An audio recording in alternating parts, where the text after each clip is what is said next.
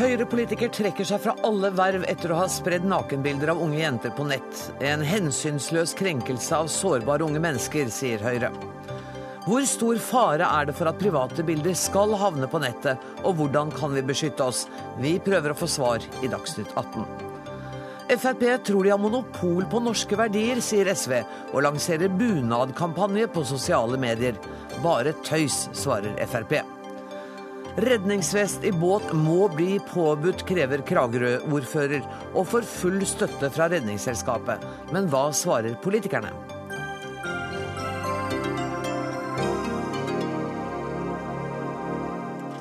Dette er sakene i Dagsnytt 18 i dag, der vi også skal høre at Miljøpartiet De Grønne mener at de store partiene har en foreldet og uansvarlig klimapolitikk. Men først. I helgen ble det kjent at Høyre-politiker Tor Johannes Helleland har stjålet og spredd nakenbilder av unge jenter på nettet. Flere av de unge kvinnene er medlemmer av Unge Høyre.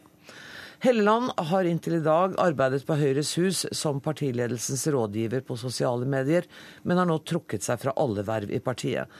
Dette er en alvorlig krenkelse av deres privatliv, og det er en utilgivelig handling fra min side, skriver Helleland i en uttalelse, og beklager overfor ofrene. Jan Tore Sanner, nestleder i Høyre. Det er ingen grunn til å spørre deg om dere tar dette på alvor, for det har vi forstått at det gjør partiet på det høyeste alvor. Men hva skjer nå? Vi ble kjent med saken eh, først da VG Helg kom på, på lørdag. Eh, og vi fikk senere på dagen kjennskap til eh, gjerningsmann Tor Johannes Helleland. Og da tok vi øyeblikkelig kontakt med ham for å få overblikk over situasjonen.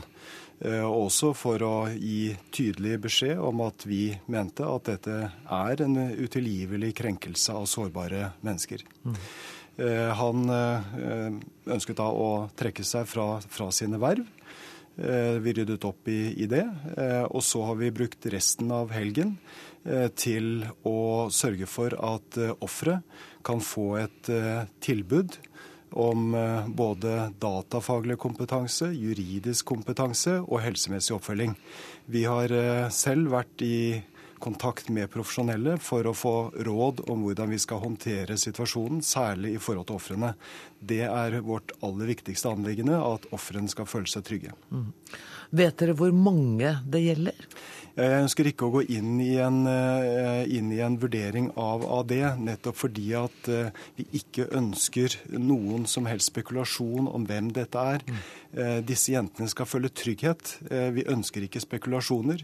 Det er færrest mulig som skal vite, vite om det. Jentene skal vite at hvis de tar kontakt med, med oss, så har vi et apparat på plass som kan, kan hjelpe dem. Nå ser det ut til at det også kanskje kan bli eh, politietterforskning. Politiet har jo til nå eh, enten henlagt eller sagt at de ikke eh, vil gjøre noe med saken fordi det ikke er en anmeldelse i en annen sak. Eh, Riksadvokaten har henvendt seg til statsadvokaten i det angjeldende fylket. Hvordan stiller partiet Høyre seg til en mulig politietterforskning? Det har vi selv oppfordret til. I går så tok vi kontakt med politiet for å gi beskjed om at vi hadde hatt et møte eh, med eh, Tor Johannes Helleland. Eh, og vi ga tydelig beskjed om at den informasjonen vi har fått, den ønsker vi å formidle til politiet. Høyre skal ikke drive noe etterforskning. Det er ikke vår oppgave. Vi skal få overblikk over situasjonen, og så skal vi formidle informasjonen videre. Så kontakten med politiet er etablert, og vi er glad for at politiet nå har varslet at de tar opp saken på nytt. Du sier at dere har etablert et eh, hjelpetilbud, støttetilbud for eh, de kvinnene. Har dere selv vært i kontakt med noen av dem? Jeg ønsker ikke å, å gå inn i, i, den diskusjonen nettopp fordi at eh, de som er ofre, skal ha trygghet. Uh, de skal vite at det ikke skal være noen spekulasjoner om, om, om hvem de er. Eh, vi tok som sagt kontakt med profesjonelle for å vite hvordan skal vi tilnærme oss denne situasjonen for unge jenter som er dypt krenket. Og så har vi fulgt eh, de rådene. Partilederen eh, Erna Solberg var raskt ute med å være veldig tydelig i sin avstandstagen fra det som hadde skjedd, og med å fordømme, fordømme eh, dette over, altså overgripende, integritetskrenkende. Um, var dere i tvil om hvordan dere skulle takle denne situasjonen? Nei, vi var ikke det. Men jeg skal erkjenne at, at det er meget krevende. regner du med at det etter denne dagen er, er dere ferdig med saken? Vi er ikke ferdig med saken før jentene har fått den oppfølging og den trygghet som de skal ha. Tusen takk skal du ha, Jan Tore Sanner, Trine Eilertsen, politisk kommentator her i NRK. Dette må jo være noe av det verste et parti kan oppleve i starten av en valgkamp? Ja, altså Dette er jo marerittsituasjonen for eh, alle politiske partier. fordi at All diskusjon om partier handler om eh, denne saken, og ikke om eh, politikk. og Derfor er det så viktig for en partiledelse å reagere på en måte som gjør at saken raskt dør, i hvert fall i offentligheten og i debatten. Hvordan syns du de har taklet det? De har vært raskt ute. De har lært av mange tidligere saker fra si, et tverrpolitisk utvalg av partier som har strevd med vanskelige saker. Og der læringen har vært at man må være raskt ute og reagere tydelig fra øverste nivå i partiet. Det har Erna Solberg gjort. Hun har vært kontant i sin reaksjon og vært veldig tydelig på at det er uakseptabelt, og at den, denne personen ikke har den tilliten som trengs i partiet. Så Foreløpig så har det i hvert fall tempoet og, og, tydeligheten i reaksjonen vært eh, god. Og nestlederen har ikke vært mindre tydelig her i Dagsnytt 18-studio akkurat nå. Eh, Sanner sier at dette er en, en svært krevende situasjon. Helt åpenbart menneskelig også. Mm. Ja, det er det jo. Det involverer eh, unge mennesker, også mennesker som har hatt en viss eh, tilknytning til partiet. Og det gir jo Høyre-ledelsen et bredere ansvar enn de ellers ville hatt.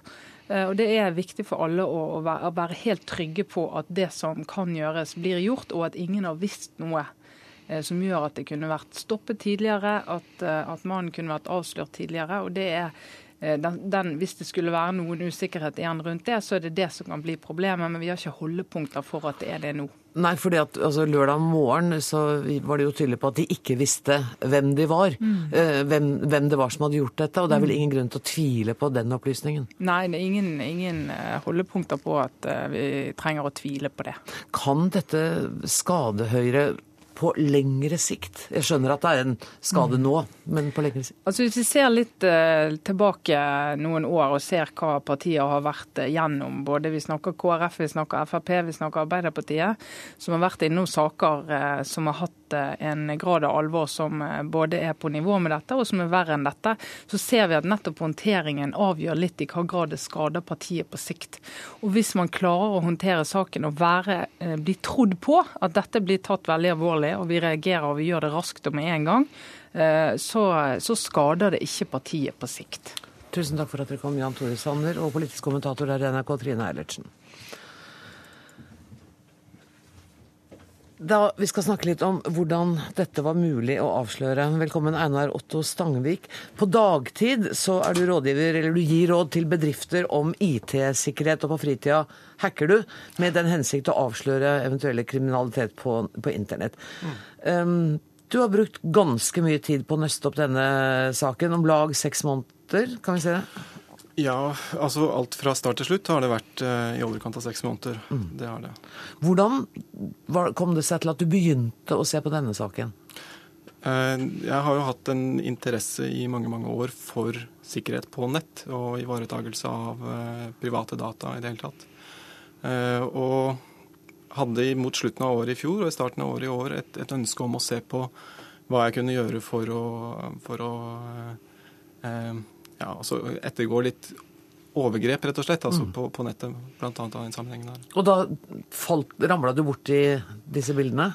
Ja. altså Jeg hadde da bygd en serie med systemer som automatiserte nettopp det å se etter innhold fra Norge, mm. innenfor Norges grenser. Eh, og eh, kom da over akkurat én eh, av de bildeseriene som den personen her la ut på det ene forumet. Og um, ble da klar over at her lå det noe bak som ikke, ikke var helt rent. Og alle som har lest den eh, nokså grundige artikkelen i VG på lørdag, ser at dette har vært et nitid og ganske møysommelig arbeid fra din side. Ja, altså Min utfordring har jo hele veien vært å forsøke å gjøre akkurat nok, og ikke for mye. Mm. Og heller ikke gå for langt i det å, i det å gå utenfor loven, og, og, heller ikke utlevere noen før jeg har følt en trygghet i det at, eh, at det har kommet frem til har vært riktig. Nei, nettopp for det å lage lokkefeller, mm. f.eks. falske konti mm. som du får han til å reagere på, det er vel i grenselandet i hvert fall? Ja, det er det. Og, men jeg må jo få lov til å presisere her at, eh, at de, de honningfellene, som jeg har valgt å kalle det, de har først og fremst vært for å opprette kontakt med mm. de menneskene her. Eh, og jeg har vært forholdsvis forsiktig med å oppfordre til lovbrudd mm. i, i, den kommunikasjonen jeg har hatt. Så det har kun vært for å, for å finne da hvem det er det dreier seg om, og så forsøke å få et innblikk i hvilket omfang det er snakk om fra før av. Og da etter hvert få overlevert det til politiet. Du hacker altså i den gode saks tjeneste. Um, er det noe etisk problematisk i det du driver med? Du sier at du passer på å ikke gå for langt. Ja, det som jeg har forsøkt å fokusere på nå da, fra lørdag og frem til i dag, er jo det at jeg vil ikke anbefale andre å gå i mine fotspor. Mm. Eh, og det er mye jeg har gjort, og enda mer jeg kunne ha gjort, som, eh, som kan forvolde voldsom skade. Mm. Altså, man kan, eh, man kan eh, risikere med å ødelegge liv helt uten mening i det hele tatt. Sånn at eh, jeg, eh, I den saken her så har det klaffet. Ville jeg gjort det igjen, altså gitt det jeg vet nå? Jeg vet ikke. Men på det tidspunktet så føltes det riktig, og jeg følte da at jeg var i stand til også ikke gjøre mer enn akkurat nødvendig sånn i de stegene jeg foretok. Gisle Hannemyr, du er eh, IT-ekspert og universitetslektor ved Institutt for informatikk ved Universitetet i Oslo.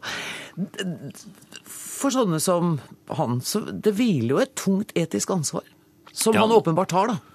Ja da, eh, helt åpenbart. Nå, skal det nok sies at eh, ordet hacking det brukes jo, altså det betyr mange forskjellige ting for mange forskjellige mennesker. Og her er det jo åpenbart brukt for, ikke minst for å selge aviser. Uh, altså De fleste forbinder vår tid hacking med datainnbrudd. Mm. Og ut fra den beskrivelsen som da var i Helgeavisen, så var det jo ikke noe datainnbrudd som skjedde her. Så Sånn sett så er kanskje hacking litt, uh, litt, overdrevet. Her var det altså Man kunne like gjerne klistret merkelappen 'undersøkende journalistikk' mm. på, på, denne eh, oppgaven, da, som ble utført for å finne fram til hvem det var som postet stjal og postet bilder. Mm. Hvor, hvor utsatte er vi for dette? Nei, altså dette er jo ikke første gang at uh, slike ting skjer. Og man skal huske det at uh, disse systemene som folk flest betjener seg av, de er jo gratis. Mm. Altså man betaler ingenting for dem, og det betyr da at de ofte er konstruert uh, med kanskje hvor datasikkerhet ikke er høyeste prioritet. Uh, den amerikanske visepresidentkandidaten Sarah Palin fikk jo sin e-postkonto på Hotmail eh, da brutt inn på nøyaktig samme måten som denne, denne personen som stjal disse bildene, fikk tak i dette. Altså rett og slett ved å bruke det som kalles for sosial ingeniørkunst, eller social engineering, for å altså, bruke sin sosiale kjennskap til personen til å få resatt passordet, slik at man da kommer inn til e-poster og dermed får tak i mer informasjon. Det, det, høres så lett ut. Jeg har ikke drevet så mye med det, men er det så lett som du sier? Nei, Det kommer jo veldig an på, på ja, Dels så kommer det an på sikkerheten på systemene, som jo ikke er altfor god når det gjelder disse gratissystemene. Eh, de tilbyr riktignok bedre sikkerhet i form av tofaseautentisering og sånt, som, som er blitt svart forbildelig på i denne VG-samtalen som var i dag. Eh, men de fleste benytter seg ikke av de siste. Eh, og og altså, Det som skjer, er jo at alle disse systemene har en mulighet for å få resatt passordet dersom man har glemt passordet. Og Der skal man ofte oppgi litt informasjon om seg selv, hva det første kjæledyret het, eller hva mors pikenavn var. slik at hvis man har litt privat kunnskap om personen, så får man den informasjonen, og så kan man da få passordet til kontoene, og så kan man da gå inn. Så det er ikke slik at folk sitter og på en måte bryter seg fysisk inn. Nei. Det er rett og slett at man, at man finner ut nok om personen til å gjette seg fram til passordet. Og det er derfor ikke, ikke gjette seg fram til passordet, men å få tilsendt faktisk en passorderstatning ja, over e-posten. Og dere tror ikke at dette her er et enestående tilfelle, det som nå er avdekket? Nei, altså Sarah Palin er utsatt for det. Mm. Eh, terroristen fra Utøya fikk jo eh, omtrent all sin e-post eh, ut, utlevert på samme måten og utgitt i bokform. Så nei, dette skjer. Einar Otto Stangvik, du kan jo ikke ha vært forberedt på alle konsekvensene av det du oppdaget? Nei, det har jeg absolutt ikke vært. Eh, og jeg hadde vel ønsket også at den saken her skulle ha forbigått i det stille. Altså at vi hadde funnet en ryddigere løsning på det for, for flere måneder siden, mm. egentlig. Hvorfor lot det seg ikke gjøre? I første omgang fordi da at politiet ikke, ikke ville ta tak i det. Eh, og, og i andre rekke fordi kontakt med da gjerningsmannen heller ikke, ikke førte til noe godt resultat. Jeg ga han ved flere anledninger muligheten til å gå til de jentene som det var snakk om, og, og eh, beklage da, og, og, gjøre opp for seg. Eh, med da en, en, lovnad fra meg om at jeg ville da legge det helt dødt, og at ikke, det var ikke min interesse å, å, destruere ham på noe som helst vis. Det har jeg ikke hatt noen intensjon om. Eh, men det førte ikke frem noen av de, de mulighetene der. Er du fornøyd med nå at Riksadvokaten har eh, sendt en henvendelse til statsadvokaten, og det trolig blir satt i gang etterforskning? Det er jeg. Eh, jeg, jeg, jeg syns også det virker som en positiv utvikling sånn for den type saker generelt. At det nå sender et klart signal om at det ikke aksepteres uh, i noen som helst grad. Uh, verken når det er politikere eller andre det gjelder. Tusen takk for at dere kom, Einar Otto Stangvik og Gisle Hannemyr.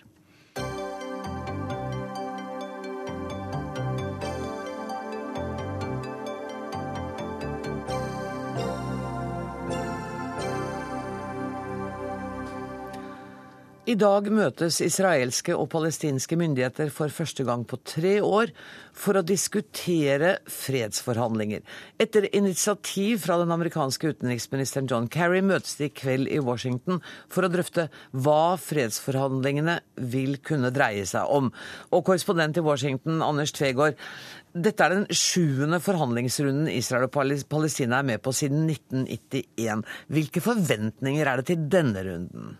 Kriteriet for suksess er ikke høyt når eh, det ses på som et gjennombrudd at USA i det hele tatt har klart å samle partene til å snakke sammen om hvordan de skal snakke sammen dersom det blir videre fredsforhandlinger. Det er de tøffeste og mest sensitive spørsmålene som gjenstår, og ikke engang USA gir uttrykk for optimisme, men mener dette er tidspunktet for å inngå kompromisser og få en slutt på alle konflikters mor. Hva er det viktigste konfliktområdet her?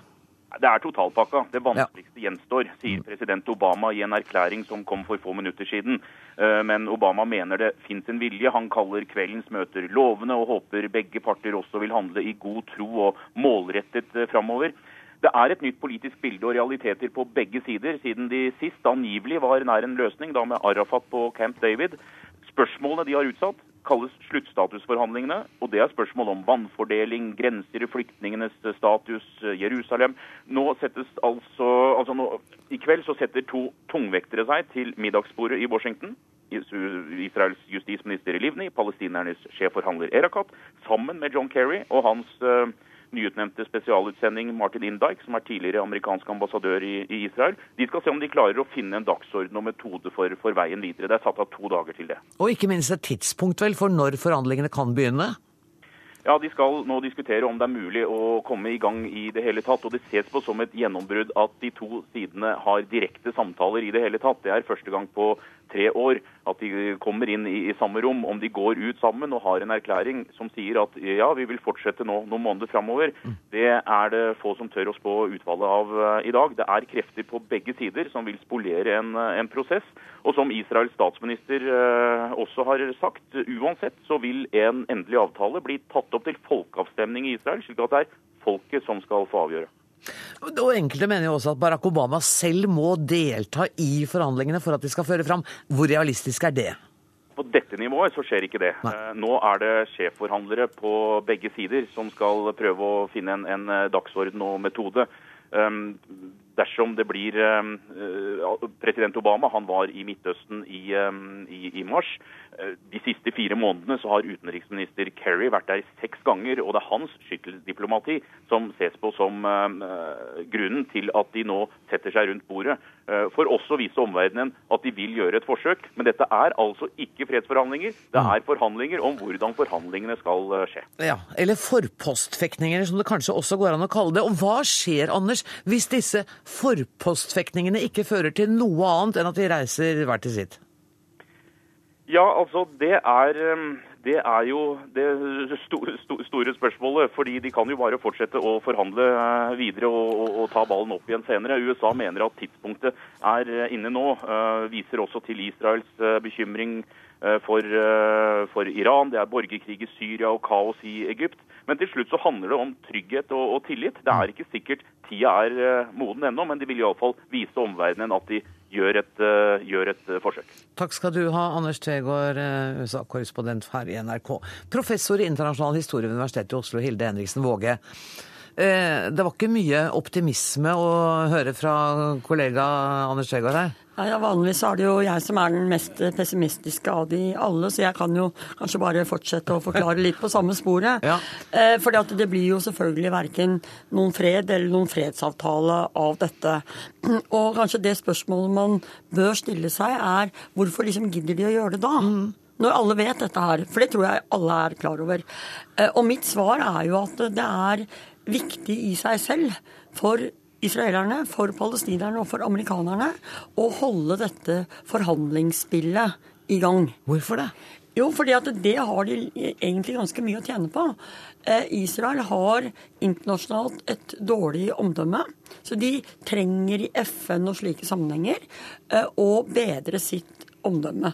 Eh, I, tilbake i 2010-2011 så prøvde jo Palestina å bli medlemsstat i FN. Mm. Eh, det gikk veldig dårlig. Eh, men på, i generalforsamlingen, hvor alle verdens land er, så var det overveldende flertall for det. Men USA blokkerte. Så Israel trenger liksom litt sånn goodwill. Så det er jo lurt. Palestinerne, de har jo alt å vinne og ingenting å tape. Eh, de har snart ikke noe mer land igjen av det som noen tror skal bli staten Palestina. Der er det fulgt opp av bosettinger, eller det som kanskje bedre kan kalles norske drabantbyer. Eh, det blir mindre og mindre og mindre igjen. Eh, de er et helt splitta folk, hvor Hamas styrer på Gazastripen, og president Abba, som ikke engang er valgt, og med veldig liten oppslutning, styrer på Vestbredden. Og amerikanerne selv har jo på en måte en interesse av og vise verden at de prøver å bidra til freden ved å løse denne usedvanlig vanskelige konflikten. Men vil det ikke da også være et prestisjetap for USA hvis partene nå går fra hverandre og sier det er ingen mulighet. Vi går ikke til noe forhandlingsbord. Her, vi kommer ikke med noen dagsorden. Dette går ikke. Jo da, men det er kanskje et enda større tap å uh, ha reist seks ganger rundt omkring i Midtøsten og så ikke fått til det engang. Uh, det, det viser liksom hvor lavt lista ligger i denne omgangen. Uh, og det er selvfølgelig flott at John Kerry, utenriksministeren i USA, virkelig prøver alt han kan. Men all forskning og all litteratur viser jo at det, det er jo ikke sånn man får til ordentlige fredsforhandlinger. For da må man tørre å ta tak i de vanskelige sakene. Grenser og bosettinger og Jerusalem og flyktninger og land og terrorister og en helt svær pakke.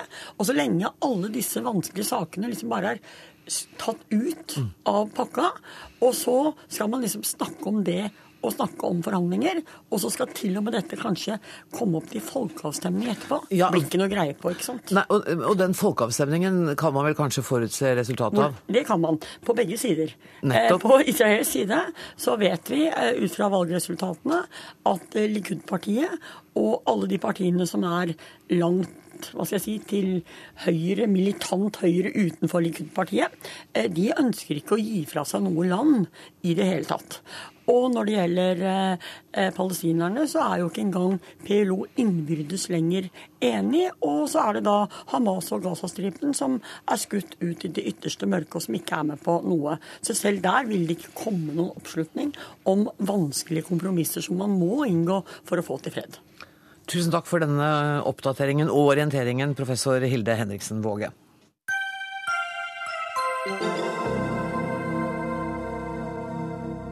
Vi skal til Egypt nå, for landet har gjennomlevd den blodigste helgen siden president Morsi ble tvunget til å gå av for fire uker siden. Minst 74 tilhengere av Det muslimske brorskap er blitt drept i forbindelse med demonstrasjoner. Og Sigurd Falkenberg Mikkelsen, du er korrespondent og du er i Kairo akkurat nå. Hvordan har situasjonen utviklet seg i dag? Det har vært en forholdsvis rolig dag. men frontene er som vi har kjent i de siste par ukene. Det er en stor protestleir ute ved Rabah Ladawiya-moskeen, hvor disse trefningene fant sted i helgen. Og det er heller ikke noen løsning i sikte. Det som utløste volden i helgen, var det den formelle varetektsfengslingen av den tidligere presidenten? Nei, det tror jeg ikke. Eh, jeg tror at eh, det eh, kom mer som en del av spillet rundt Morsi.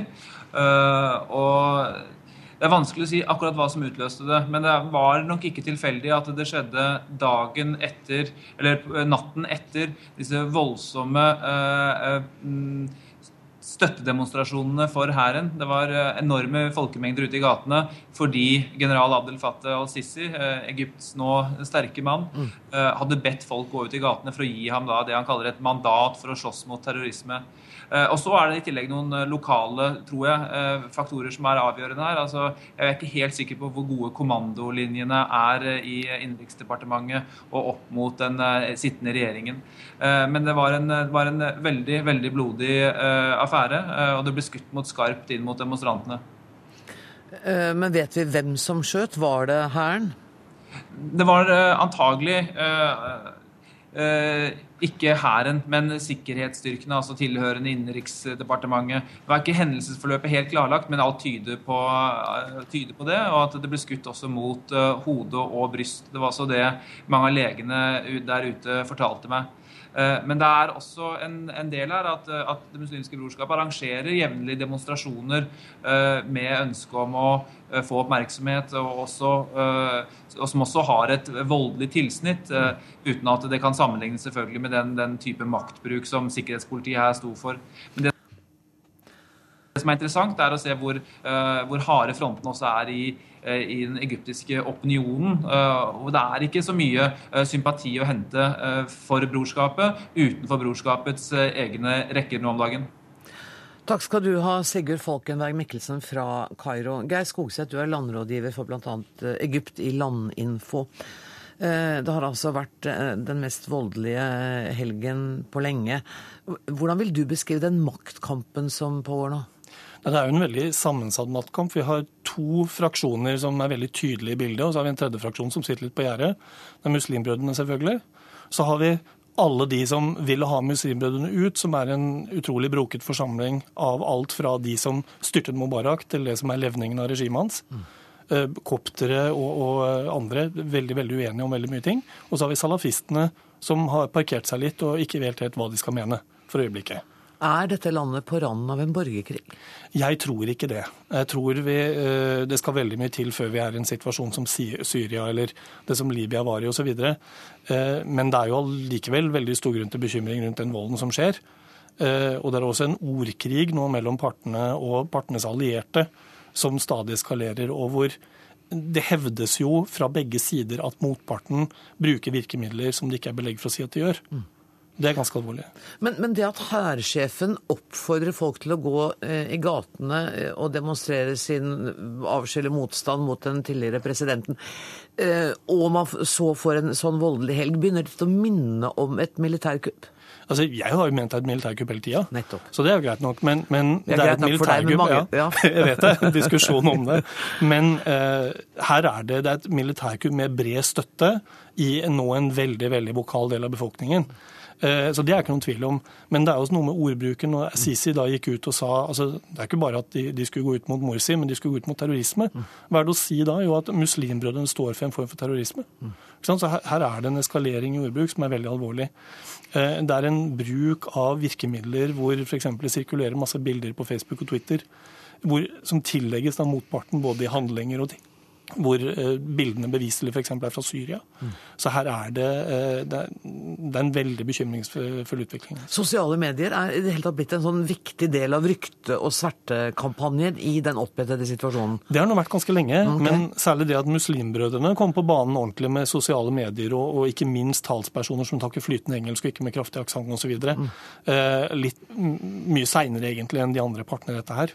Eh, det gjør jo at vi, vi, får nå en ordkrig som også når oss, men den har jo pågått på arabisk i, hele tiden. Mm. Nettopp. Men vi har ikke oppdaget den før nå? Nei, altså Det er en viss slagside i våre medier med at vi snakker med de som snakker engelsk, mm. og da får vi et litt annet bilde. Muslimbrødrene prøver å gjøre noe med det, men de, de har jo eh, et problem med å nå fram med sitt budskap. Du, det må bare be deg forenkle. Er den konflikten vi ser, er den utelukkende politisk eh, begrunnet, eller ligger det økonomi i bånn her også? Det ligger mye økonomi i bånn. Det ligger sosiale klasseforskjeller. Mm. ved at også det er eh, klare klassemotsetninger mellom de ulike gruppene. Muslimbrødrene som et uttrykk for en dypt religiøs, men lavmiddelklasse. Eh, disse, alt fra, fra uh, Mubarak-levninger og den typen ting til disse veldig verbale demokratiforkjemperne. Tamarod-bevegelsen er nok høyere samfunnslag enn salafistene. Uh, organiserer mange blant de helt laveste samfunnslag. Og så er det da det at økonomien i Egypt har gått fullstendig i stå. Mm. Egyptere kan i mye mindre grad enn før emigrere til Gulfen og, og til Libya for å jobbe. Eh, turismen har gått fullstendig i grøfta. Eh, eksportindustrien i Egypt er ikke konkurransedyktig på verdensmarkedet. Så hva skal de 40-60 millionene arbeidsføre egyptere gjøre av seg i dette her? Det ser ikke ut som det er noen snarlig løsning, i hvert fall. Det er veldig, veldig bekymringsfullt. Tusen takk for at du kom, Geir Skogseth, som er landrådgiver for Egypt, i, bl.a. Egypt, i Landinfo.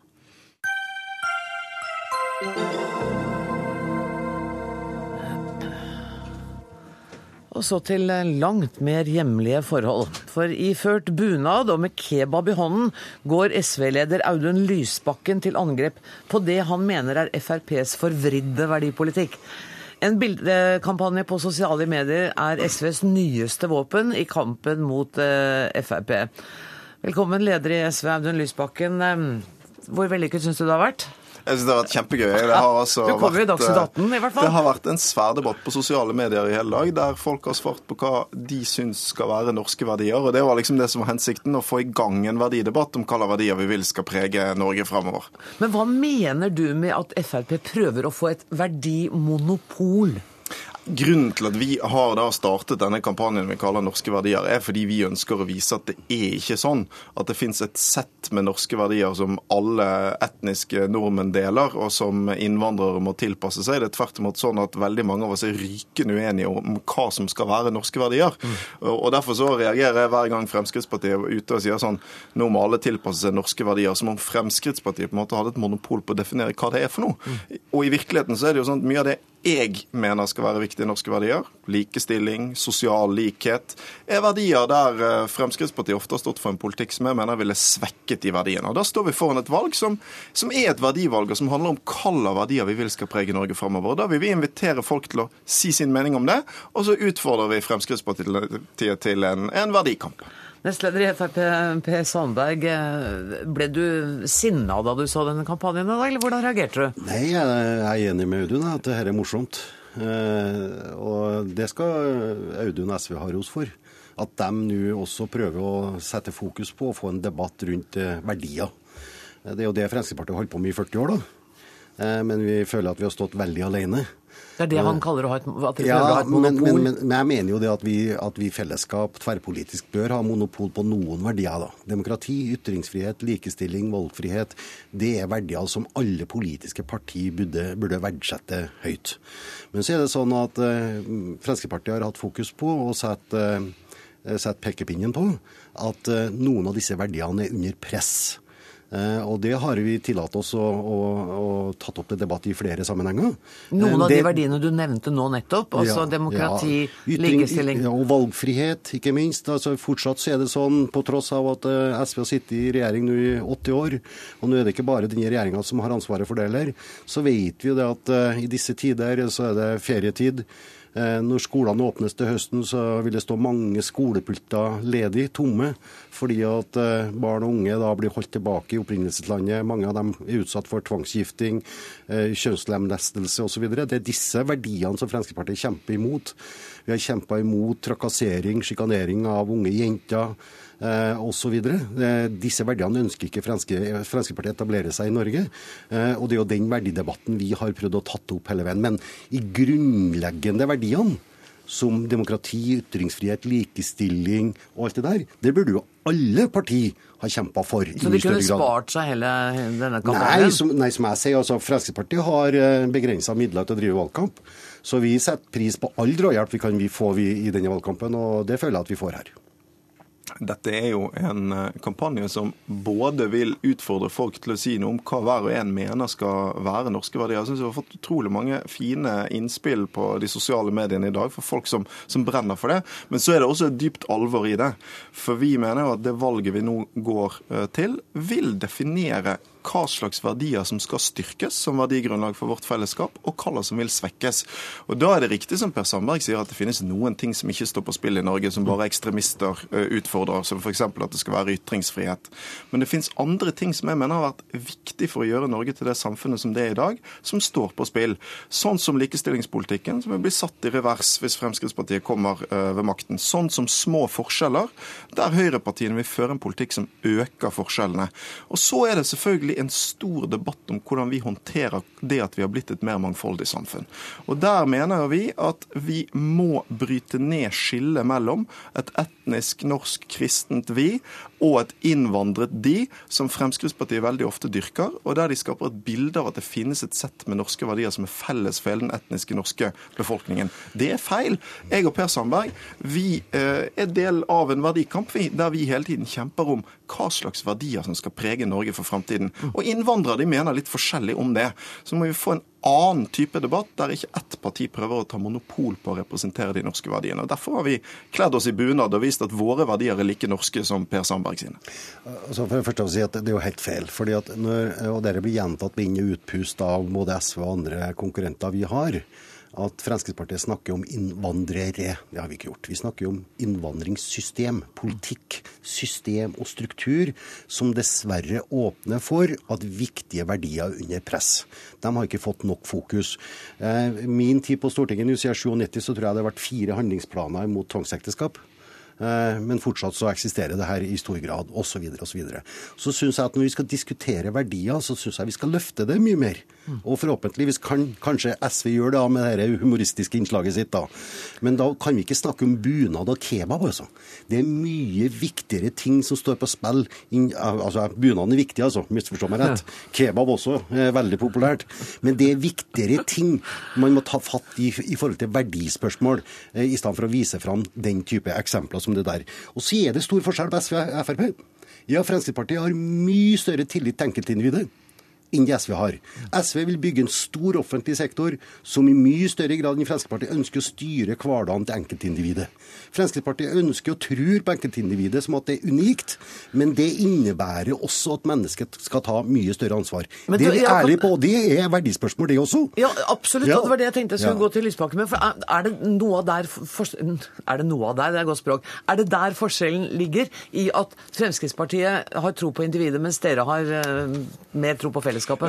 Det er en ulik oppfatning av hva som gir individet frihet. Mm de mener veldig ofte at fravær av eh, regler og, og, politisk styring gir frihet. Vi tror at sterke fellesskap gir hver enkelt eh, frihet. Og Det er klart at det er en ulik måte å eh, se på frihet på, og ikke minst en ulik oppfatning av hva som gir frihet. Men så er jo en av de viktige debattene vi prøver å trekke opp, det er jo uh, uh, liksom, det, det, er litt kebab og bunad og, og, spøk, men det er også mye alvor. For det, det vi må ikke gjøre i Norge, det å ta de verdiene vi oppfatter som norske, for gitt. Eh, og et par, et par eksempler. Sant? Fremskrittspartiet har ofte i møte med innvandrerbefolkningen sagt at nå må man tilpasse seg norske verdier, og så må man akseptere likestilling og vise toleranse overfor homofile. Men hvor hadde vi vært når det gjelder likestilling og toleranse for homofile i dag, hvis Fremskrittspartiet får 30 eller 40, eller til og med bare for noen få år siden hadde fått gjennomslag for det de sto for? Og Det viser jo at vi har en verdikamp i Norge hele tiden om hva som skal være norske verdier i framtiden siden. Og det er riktig, Der SV og Frp ofte står på hver sin side. Veldig mye hypoteser i det. da. Jeg syns det skjer innenfor mitt eget parti. Vi har vel mellom 20 og 30 000 medlemmer. Eh, og likestillinga der er sterkt fremtredende, det kan jeg love. Jeg har to kvinnelige sjefer. Det er Siv Jensen og min kone. Så jeg vet alt om det, altså. Men, men, men, men så er det det andre poenget så for at verdispørsmål det vises også i forhold til at du får resultater. Og jeg mener at trygghet i hverdagen er en verdi. Enhver regjerings øverste ansvar i å sørge for trygghet for folk. Og denne regjeringa og den forrige regjeringa har svikta i så måte. Vi ser det både i det offentlige rom i forhold til manglende politi, overfallsvoldtekter osv. Vi ser det på sykehuskøene våre. De vokser og de går ikke ned. Fattigdommen øker osv. Og, så og da er det liksom de verdiene de påstår har lagt til grunn, da, de løser i hvert fall ikke hverdagsproblemene til folk. Bare se på plan- og bygningsloven, Ja, ja, som er et direkte angrep på for Som Som. SV, og Fremskrittspartiet laga i vi er helt i begynnelsen av valgkampen. Vi trenger ikke å ta hele partiprogrammet. Jeg er helt sikker på at jeg kommer til å ønske dere velkommen tilbake. Tusen takk for at dere kom i denne runden. Hør Dagsnytt 18 når du vil, på nettradio eller som podkast. nrk.no – dagsnytt 18.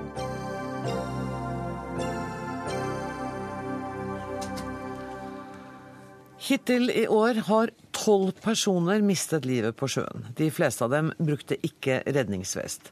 Nå må det bli påbudt å bruke redningsveste. Det mener du, Kåre Preben Hegeland, ordfører i Kragerø. Ja, jeg tror at uh, et påbud vil gjøre at uh, ferdselen på sjøen uh, vil oppfattes som tryggere for oss alle. jeg ser vel at dagens ordning med, med, at det er påbudt å ha vesten i båten, det skaper falsk trygghet. Hva gjør dere i din kommune for å få flere til å bruke redningsvest? Nå er jo vi så heldige å bo i en, en kystkommune, og det er klart skolen blir brukt. Jeg tror det er veldig viktig at helt fra barnehagen at vi lærer opp at sjøen er noe vi skal ha sterk respekt for. Det er, det er veldig kort vei fra idyll i skjærgården til, til tragedie i skjærgården. Mm. Og det har dere nettopp opplevd? Det har vi jo nettopp opplevd, og jeg ønsker jo selvfølgelig ikke å, og kan ikke heller kommentere den saken spesielt. Men på generelt grunnlag så gir den type ulykker eh, oss en vekker hvert år. Og jeg synes nå at nå har eh, sentrale politikere altfor lenge eh, ikke tatt tak i det, det, som mange har foreslått, nemlig et påbud med vest. Og det er jo sånn at det er påbudt med, med bilbelte på veien, og det bør også bli påbudt med vest i båt. Statssekretær i Nærings- og handelsdepartementet Trygve Svensson, hvorfor er det ikke påbudt, påbudt med redningsvest i båt? Jeg har lyst kanskje først å si at uh, i og med at denne saken uh, har et såpass alvorlig bakteppe, altså noe så meningsløst som at flere mennesker har mistet liv nå i helgen, med å bruke båt, noe vi, noe vi nordmenn er kanskje det folket i verden som gjør aller mest av.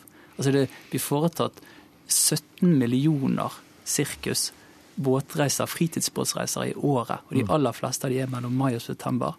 Og noen, altså, når en av de ender så meningsløst som det eh, vi så i helgen, så er det kanskje ok, kanskje det finnes et lite glimt av mening i at vi i det minste nå sitter her på radio, debatterer dette her. Det gjør at alle vi som lytter på dette, skal kanskje ut i båt, tenker oss om, bruker vest, bruker sjøvett. Men ikke noe påbud? Vel, vi har et påbud til vurdering. Eh, promillegrensene også til vurdering. Men det er som i alle saker eh, der, der, man må, skal bestemme seg eh, Eller la meg si det på en annen måte, som går i grenselandet mellom eh, individets frihet og påbud, så, så, bør man tenke seg ganske grundig om. Det er ikke noen sånn enkel sak å plutselig si at alle disse som bruker båten, som kanskje tøffer utover fjorden i to-tre knopp, ligger og soler seg på dekk, også skal eh, være påbudt å ha vest på, og at eh, vi må få politiet til å håndheve det. Det er ingen, ingen enkel sak. Og Jeg tror ikke det er noen som heller venter at vi skal komme med et sånt hastepåbud etter denne helgen, men det er vel riktig at dette spørsmålet har vært utredet i et par år?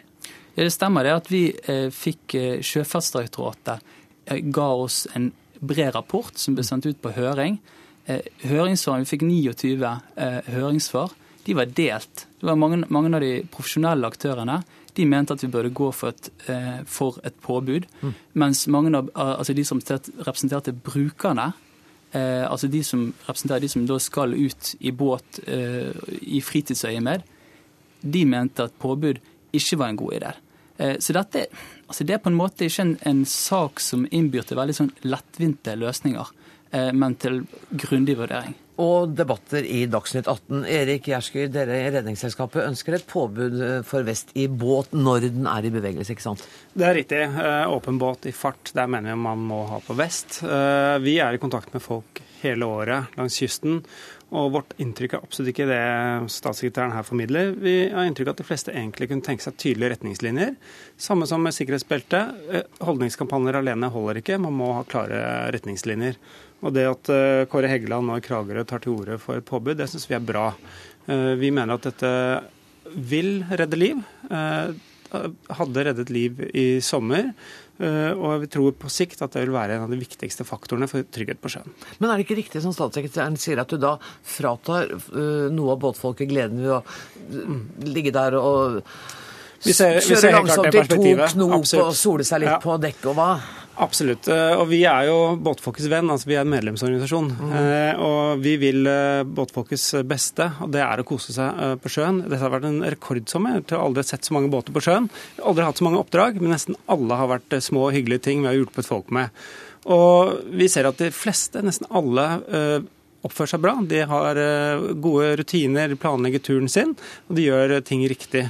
Eh, men for å komme den siste meteren, for å unngå disse dødsulykkene, som er ganske mange eh, på statistikken år for år, så tror vi vi må ha gode ordninger fra myndighetene, gode retningslinjer. Og så skal vi jobbe med det forebyggende sammen med myndighetene. Og det tar tid. Kåre Preben Hegeland, hvis det nå skulle bli et påbud, har f.eks. dere i Kragerø har dere kapasitet til å følge opp et sånt påbud? Nå er det jo sånn at Hvis det blir et påbud, noe jeg håper det blir veldig raskt, og i hvert fall innen neste sommer, Eh, så handler jo det om at eh, politiet eh, skal foreta de kontrollene. Og sånn som jeg opplever det nå, så er det jo sånn at det er mye enklere å kontrollere en åpen båt der folk har vesten på, eller om de skal måtte gå ned i, i under benker og skap for å finne de vestene, som altså skaper en falsk trygghet. Så jeg tror at kontrollen av, av påbudet vil faktisk være enklere å håndtere enn slik det er i dag. Hva tror du om det, statssekretær Svensson?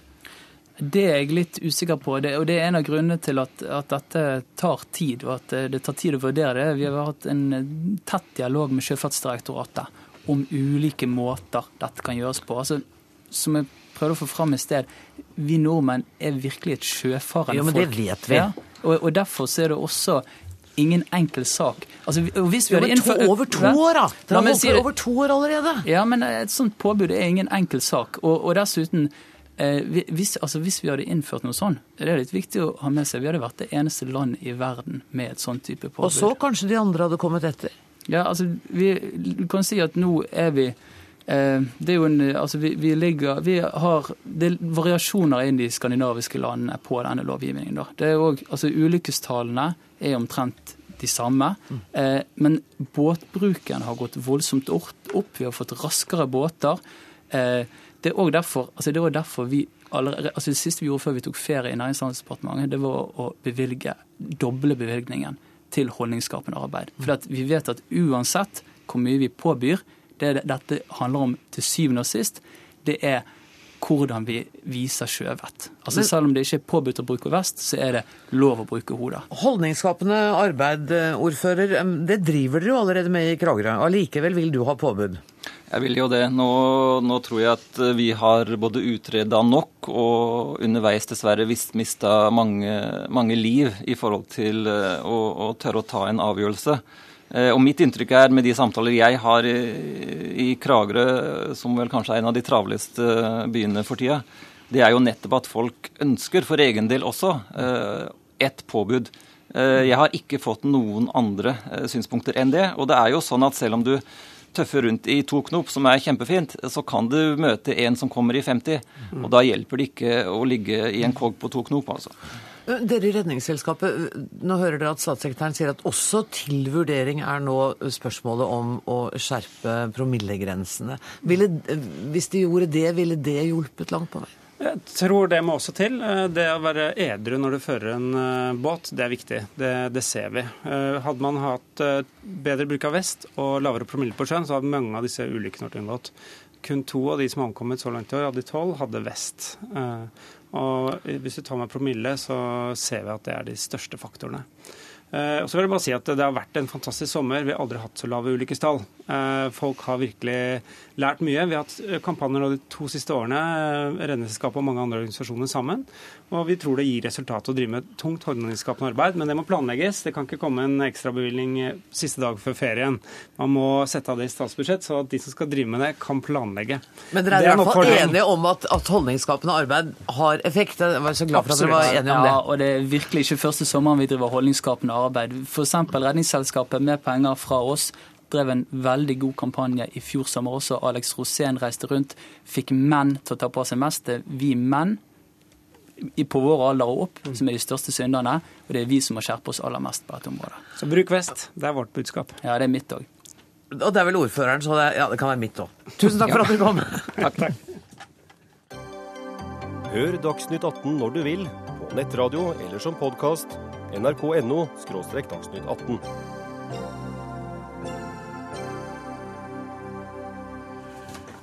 De etablerte partiene har ingen gode miljøløsninger, men representerer tvert imot et 100 år gammelt samfunnsforhold og interessemotsetninger fra den gangen.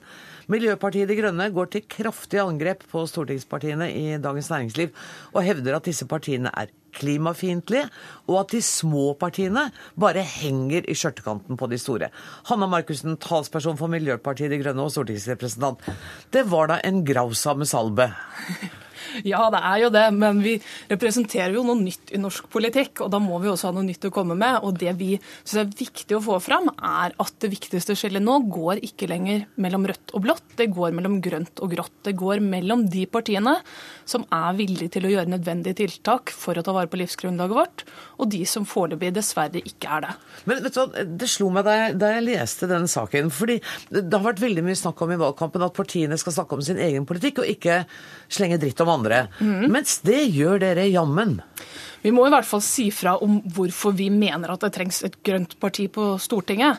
Eh, og det handler jo om at selvfølgelig at ikke vi er fornøyd med den politikken som føres i dag. Hvis ikke så hadde vi ikke jobbet for å få et nytt parti inn på Stortinget. Og vi mener noe av hovedproblemet her er at dessverre verken Arbeiderpartiet eller Høyre har en god nok og ansvarlig nok klimapolitikk. De har ikke en klimapolitikk med tiltak som monner så mye som det vi trenger. Du er stortingskandidat, regner du med at du kommer inn?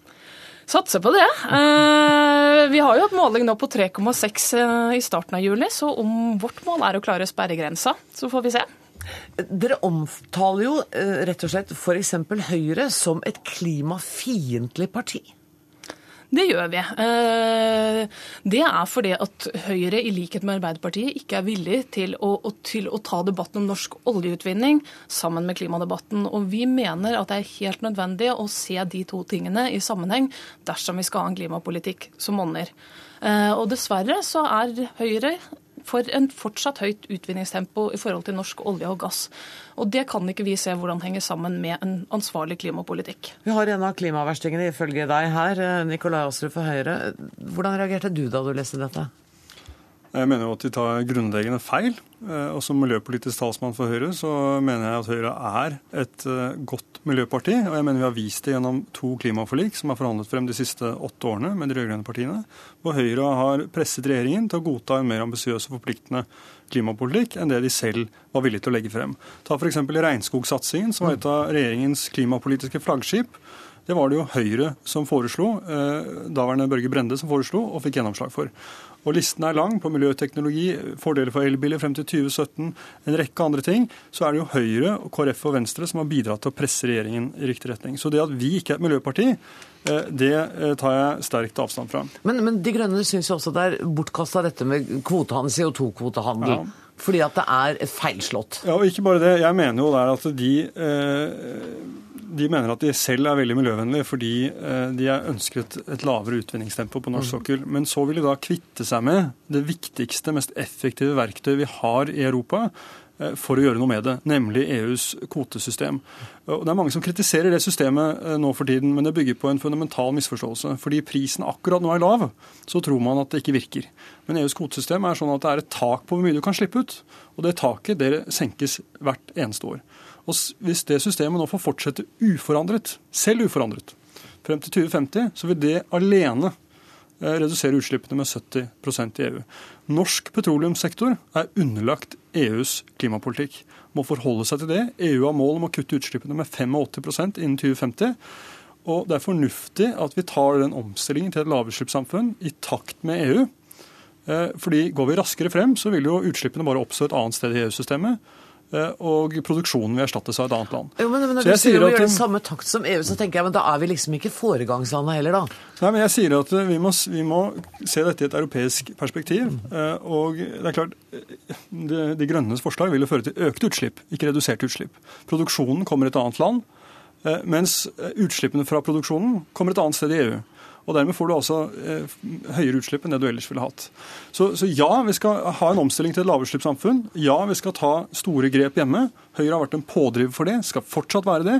Men med, nei, nei, med, unnskyld, med De grønnes politikk kunne vært nei til det også. De grønnes politikk så vil altså utslippene øke. Det er jeg selvfølgelig helt uenig i. Eh, og nå må det sies at så langt så har ikke EUs kvotemarked vist seg å fungere effektivt dessverre. Eh, Men utslippene går ned? Eh, utslippene går ned i EU stort sett pga. finanskrisen, først og fremst. Eh, det er en fin ting, men vi kan ikke bare basere oss på det for å få ned utslippene. Men vi kan ikke håpe på en langvarig finanskrise Nei, det kan vi ikke. Vi må gjøre noe helt annet. Utslippene skal gå ned. Og det er heller ikke riktig at det å redusere norsk olje- og gassutvinning vil føre til høyere utslipp et annet sted. Altså, da kan man like gjerne si at nesten ingen klimatiltak fungerer.